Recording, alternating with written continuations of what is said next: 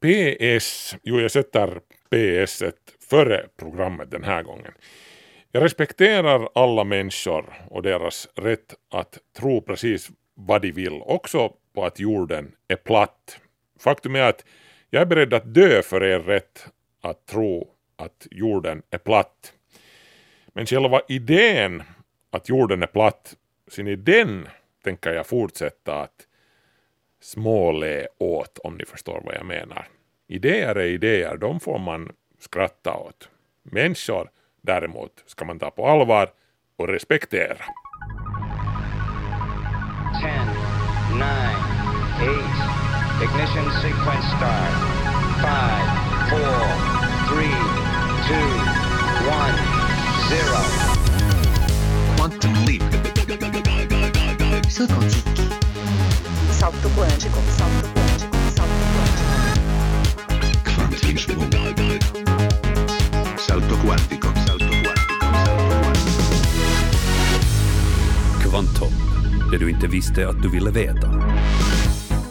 Det finns vissa diskussioner som man bara vet om att det här kommer inte att leda någon vart. Den som talar till en behöver bara säga några enstaka ord och man inser direkt att nähä, det som kommer härnäst är ingenting bra som jag på riktigt vill ta del av. Exempel på sådana diskussioner är de som börjar med orden “Kaverihei”. Inte en enda diskussion som jag någonsin har haft som började med “Kaverihei” har någonsin lett till någonting bra. Liksom inte heller de där diskussionerna som börjar med eh, Får vi komma in och berätta om? Ja, och så vidare. En diskussion som jag i min ungdom inte på allvar trodde att jag någonsin skulle behöva ha åtminstone inte på 2020-talet, är den där som börjar med orden om jorden är rund som du säger, hur kan det då komma sig att? Ja, jag har helt på riktigt alltså haft diskussioner med äkta livslevande finlandssvenska plattjordare. De tar det från webben såklart, inte minst från Youtube där all världens konspirationsteorier frodas i den snåriga undervegetationen. Och plattjorderiet har ju oftast sitt ursprung i USA. Men det är i alla fall som sagt intressant och inte så lite absurt att det här fortfarande är ett samtalsämne anno 2021. Inte bara i svensk Finland utan jag menar i största allmänhet i världen. För vi har ju alla bättre saker att göra med vår tid. Så, så därför tänkte jag alltså i den här veckans kvanthopp presentera några enkla knep som också du kan använda för att få tyst på en plattjordare om du skulle råka finna dig själv sittande bredvid en sådan på en fest eller liknande. Här är alltså Kvanthopps sju i topp-lista över enkla sätt att försäkra dig och din bordsgranne om att jorden de facto fortfarande är rund och inte platt. Jag heter Markus Rosenlund och det här är Kvanthopp. Nu kör vi!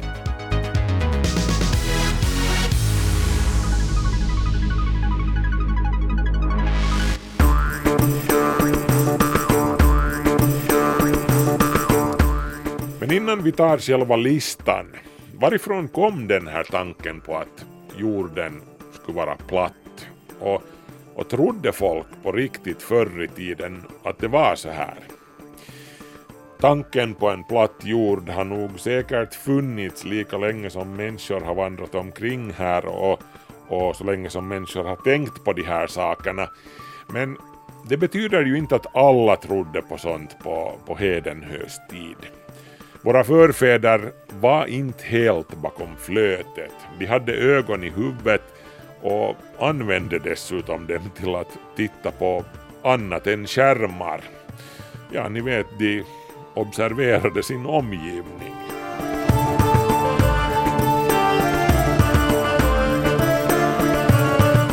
Sedan 1800-talet hade hur som helst funnits en seglivad myt om att kyrkan fram till nya tiden ungefär trodde att jorden var platt.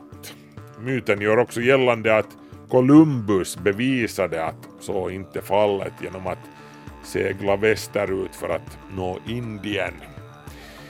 Ansvaret för den här myten kan vi rätt långt lägga på en handfull skribenter som den franska historikern Antoine Jean Letron till exempel.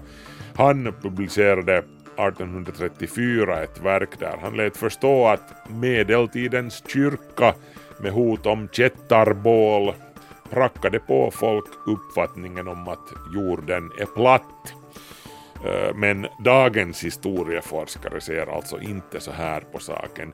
Kyrkan prackade inte den platta jorden på folk under medeltiden. År 1828 gav den amerikanska författaren Washington Irving ut en bok, en romantiserad biografi med titeln ”Kristoffer Columbus, dess levnad och resor. Här ingår bland annat en påhittad scen där Columbus talar med kyrkans ledare vid ett kyrkomöte i Salamanca. Teologerna varnar där Columbus för att resa så långt ut i det okända och påpekar att han och hans besättning kan trilla från jordens kant. Men någon sån diskussion har alltså aldrig ägt rum på riktigt.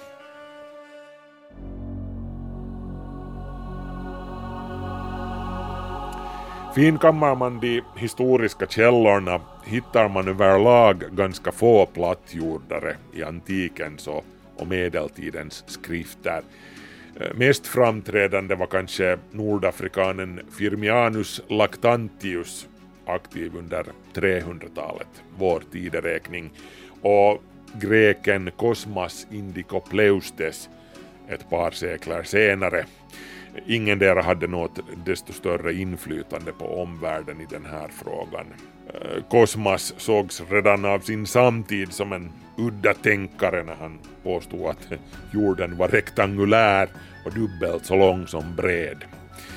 Eh, och som sagt, inte minst de lärda och sjöfararna på Columbus tid visste mer än väl att jorden var rund och det var ingenting nytt precis. Redan på 200-talet före vår tideräkning slog den grekiske astronomen Erastotenes fast genom mätningar av jordens omkrets att eh, jo, den är rund och ingenting annat.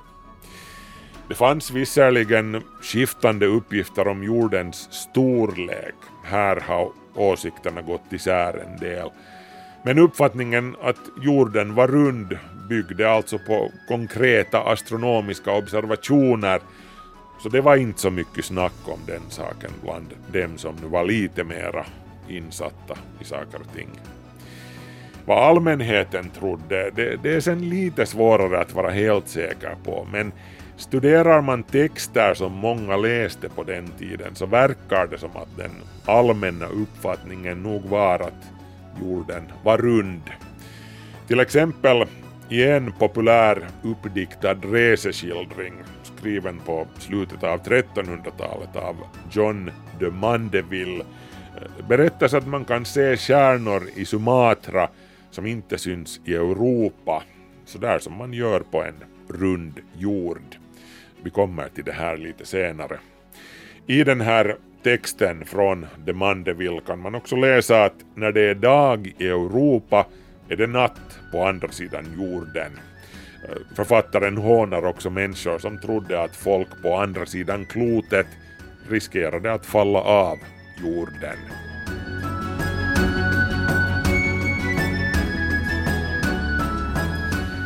Det är inte värst långsökt att tänka sig att allmogen på medeltiden utgick från en rund jord. De icke läskunniga fick ju ofta sin information genom kyrkan och som sagt så stödde kyrkan som regel tanken på att jorden är rund. En titt på bildkonsten i, i medeltida kyrkor, till exempel i Uppsala domkyrka, bekräftar det här. Där framställs jorden som klotformad. Den som på allvar kickstartade hela det här plattjorderiet som vår tid plågas av var den engelske uppfinnaren Samuel Burley Robotham. Han är upphovsmannen bakom boken Zetetic Astronomy Earth Not a Globe. Den utkom 1865.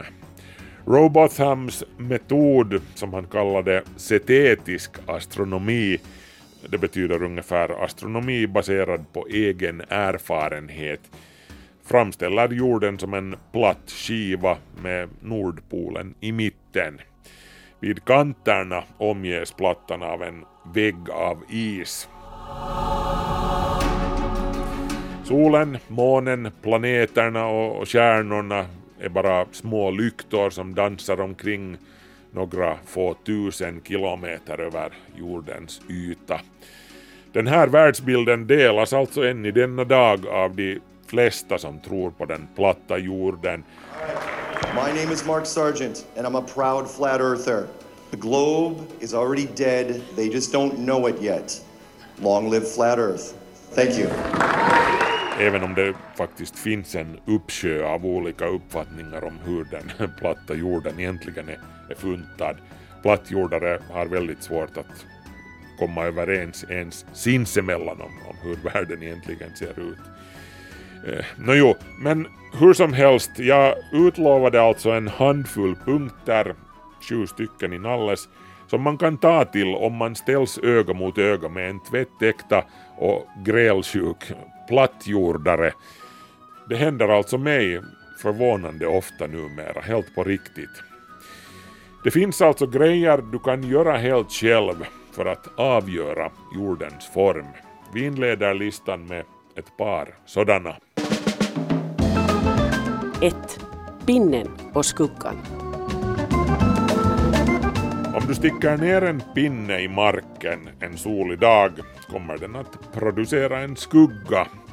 Den här skuggan rör sen på sig i takt med att tiden går. Det här är ju principen för gammaldags hederliga solur. Så vad du kan göra är alltså att ta en pinne av en given längd. Vid en given tidpunkt på dagen, säg nu vid middagstid eller så, går du ut och sticker ner din pinne lodrätt i marken. Vid exakt samma tidpunkt har du en kompis som befinner sig på en annan ort någonstans lite längre bort. Ni kan ju kommunicera via telefon så vet ni vad ni håller på med. Din kompis har sen en exakt lika lång pinne som också hen sticker ner i marken. Sen mäter ni vid samma klockslag skuggorna som era pinnar kastar. Om jorden var platt så skulle de resulterande skuggorna vara lika långa oavsett hur långt ifrån varandra ni placerar pinnarna. Men det är de inte. Och det här beror på att jorden är rund och inte platt. Den gamla greken Erastotenes använde för övrigt den här samma metoden, minus mobiltelefonerna såklart, för att beräkna jordens omkrets. Och han beräknade den ganska exakt dessutom. Så inget nytt under solen, som jorden alltså kretsar runt. Hmm. I don't think I want to wait around and see if NASA's lying to me or not. I think I already know. They're all lies. We're tired of the scientism lies, okay? Ett annat experiment som du kan använda när du ändå är ute med käpparna och går för att bevisa att jorden är rund, gå 10 000 kilometer rakt fram längs jordens yta. Sväng sedan 90 grader åt höger och så går du 10 000 kilometer till. Sen svänger du igen 90 grader åt höger och, och går ytterligare 10 000 kilometer. Då kommer du tillbaka till platsen där du startade. På det här sättet har din rutt beskrivit en triangel med tre 90 graders vinklar. Alla som har läst ens lite geometri kan säga att det här är omöjligt på en plan yta. Okej då, det, det där var ett ganska utmanande experiment att utföra. Nästa är enklare. 2. Skeppen som försvinner bortom horisonten. Aj, aj, det här, det här vet ni är en riktig klassiker. Gå, gå alltså ner till hamnen, någonstans vid öppna havet, en solig och klar dag och titta på fartygen som närmar sig eller, eller seglar ut. De är ju inte som pyttesmå myror som blir större och större an eftersom de närmar sig. Snarare så verkar de dyka upp från under horisonten eller bakom horisonten. När ett fartyg seglar bortåt mot horisonten så blir det ju inte heller mindre och mindre i all evinnerlighet tills det är så litet att man inte bara kan urskilja det. Eh, istället så verkar skrovet sjunka under horisonten först och, och sen försvinner masten eller överbyggnaden gradvis.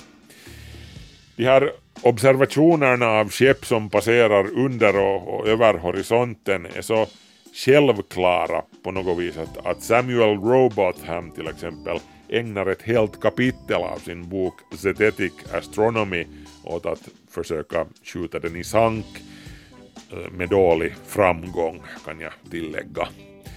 Också moderna internetplattjordare gör sitt bästa att förklara bort just den här observationen.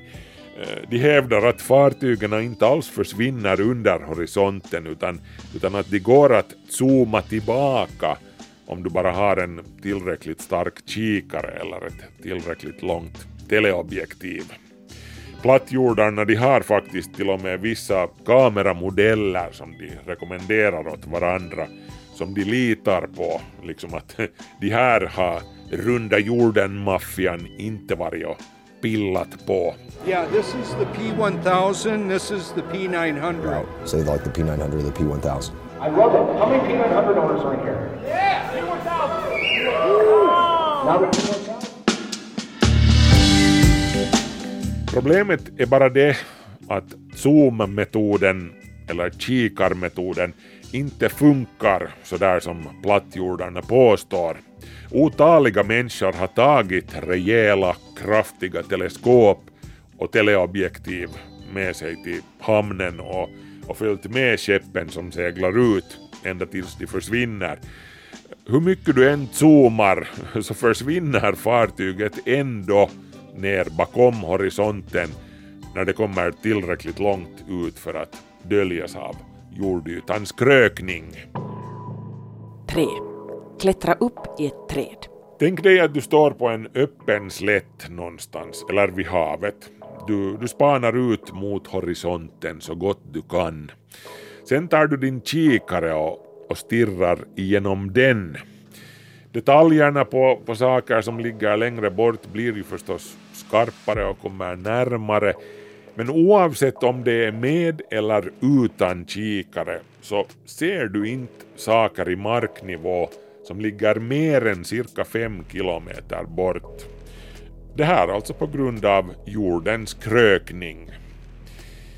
Klättra sen upp i det närmaste trädet. Ju högre desto bättre såklart. Titta sen igen. Ju högre upp du har klättrat desto längre bort kommer du sen att se. Vanligtvis så tenderar vi att förklara vår oförmåga att se långt bort med att äh, saker som hus och, och kullar ligger i vägen men bara vi kommer till ett ställe med fri sikt så då ser vi hur långt som helst.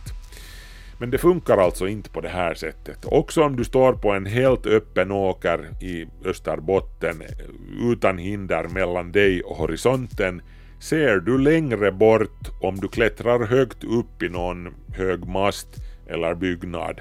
Eller som sagt ett träd.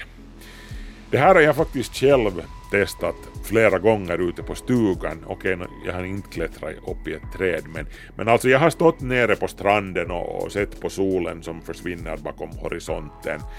Det var mig en fin solnedgång, den vill jag se på nytt, säger jag och, och springer kvickt upp för vår holmes branta sluttning. Sen kan jag stå där och, på stugverandan och, och se en gång till när solen sjunker under horisonten. Är jag riktigt desperat på solnedgångar kan jag skicka upp min drönare och titta från 120 meters höjd när solen går ner ännu en gång.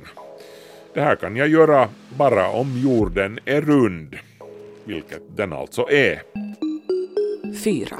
Det står skrivet i stjärnorna. Efter att ha återvänt från en resa till Egypten noterade den redan nämnda grekiska filosofen Aristoteles det finns stjärnor som ses i Egypten och Cypern som inte syns i de nordliga regionerna. Och här satte Aristoteles alltså fingret på ett fenomen som bara kan förklaras om människor tittar på stjärnorna från ett runt klot, vilket Aristoteles också noterar. Fast eh, Aristoteles hävdade samtidigt att jordens sfär inte är inom citat av någon större storlek för annars skulle effekten av en så liten förändring av plats inte bli uppenbar snabbt.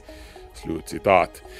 Och det här kan man ju vara av olika åsikt om. Nu är den jorden ganska stor. Det är ju just därför som vi upplever den som platt, för att den är så stor och vi är så små. Men alltså, ett av de mest uppenbara och enklast observerbara bevisen på att vi bor på en rund planet, framförallt då om man reser lite mera, är ju att folk på norra halvklotet ser andra stjärnor än folk på södra halvklotet. Två exempel på det här, Karlavagnen och Södra korset. Karlavagnen med sina sju stjärnor är alltid synlig norr om den 41 breddgraden.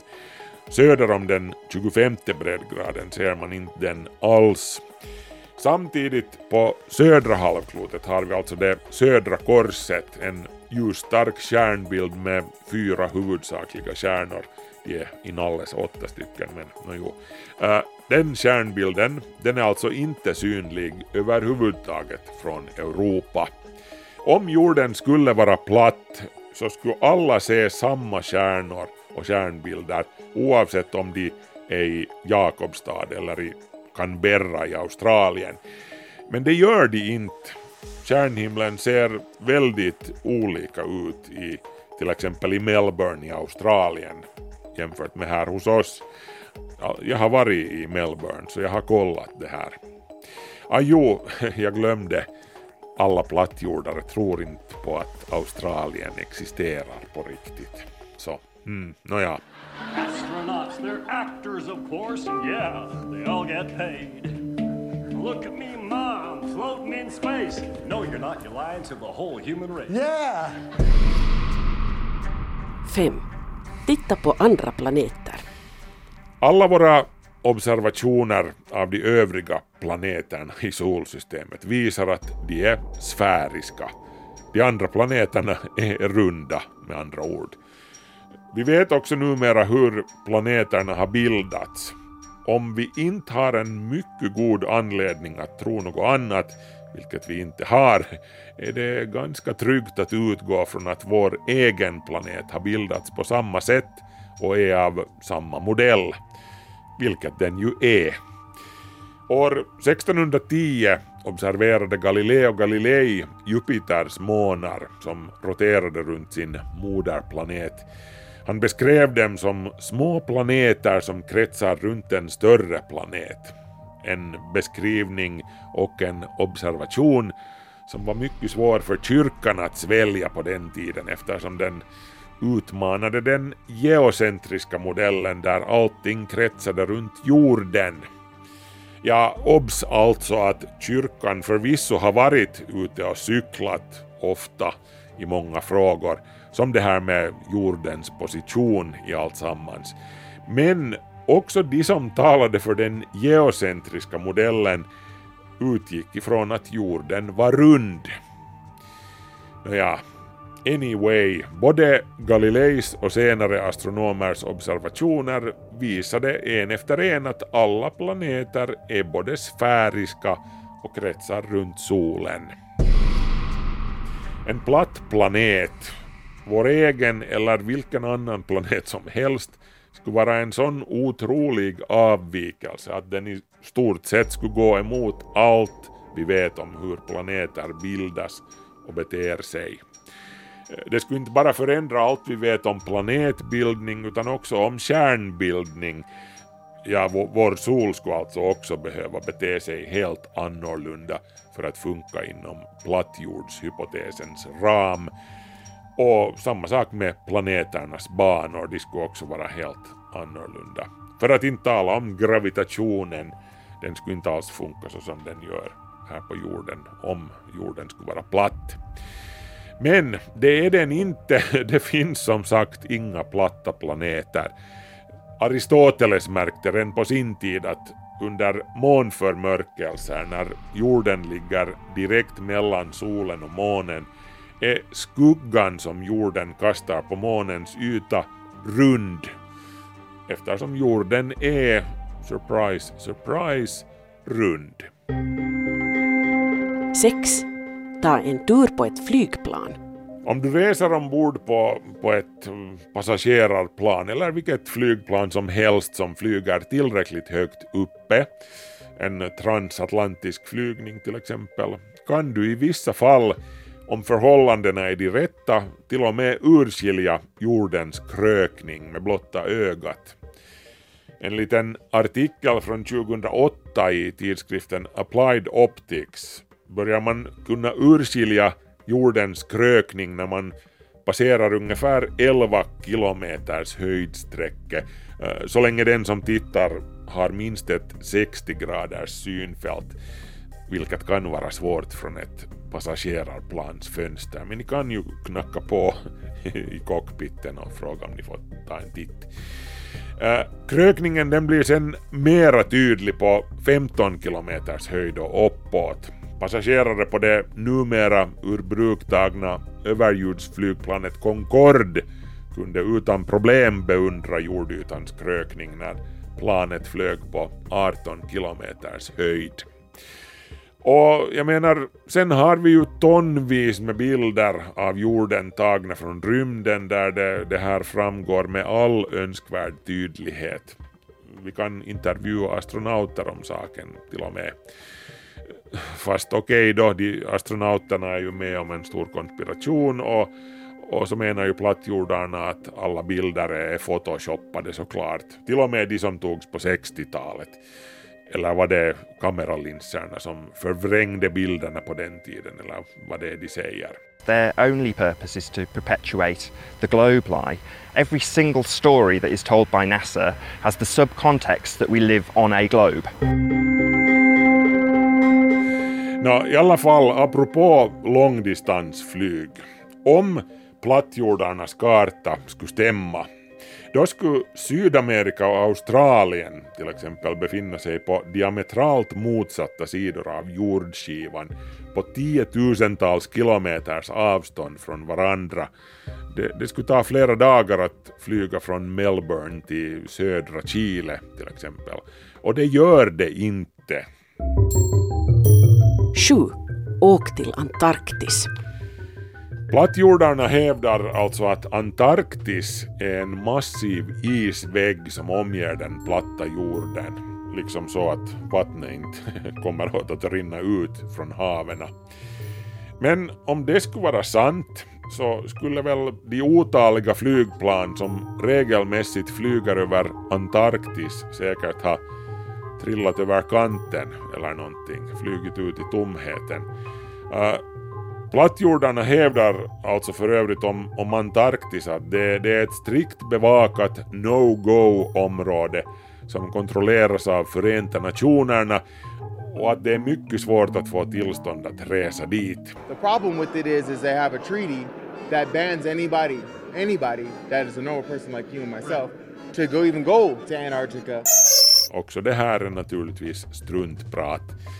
Jag känner personligen människor som har besökt Antarktis många gånger. Okej, resan dit är lång men inte har det annars varit någon oöverkomlig utmaning. Jag har till och med intervjuat folk som har seglat till Antarktis med sin egen segelbåt utan att se en enda av de där påstådda blåhjälmarna från FN som sägs patrullera där. Eh, jag känner också folk som de facto har seglat runt Antarktis.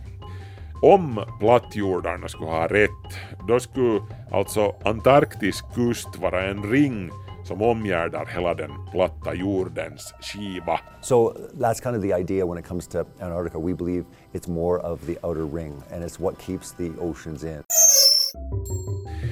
Det skulle ta ett år eller mera att segla ett helt varv längs den här ringens kant och den skulle vara mycket, mycket, mycket längre än, än Antarktis kustlinje är på riktigt. Och jag menar, så här är det bevisligen inte. Vi vet exakt hur, hur lång vägen är runt Antarktis.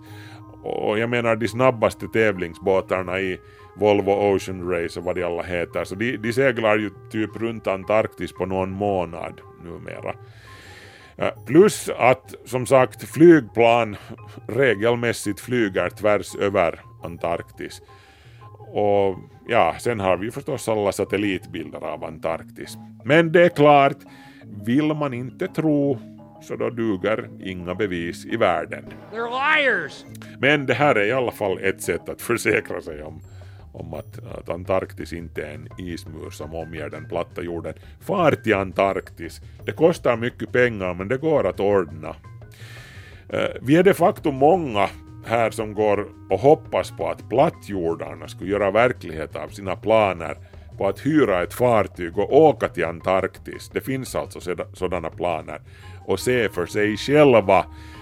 Jag skulle till och med kunna betala en slant för att bidra till finansieringen av deras expedition. det, det skulle typ bli den bästa reality-tvn någonsin. I just laid some heavy truth on you. What are you to do with it?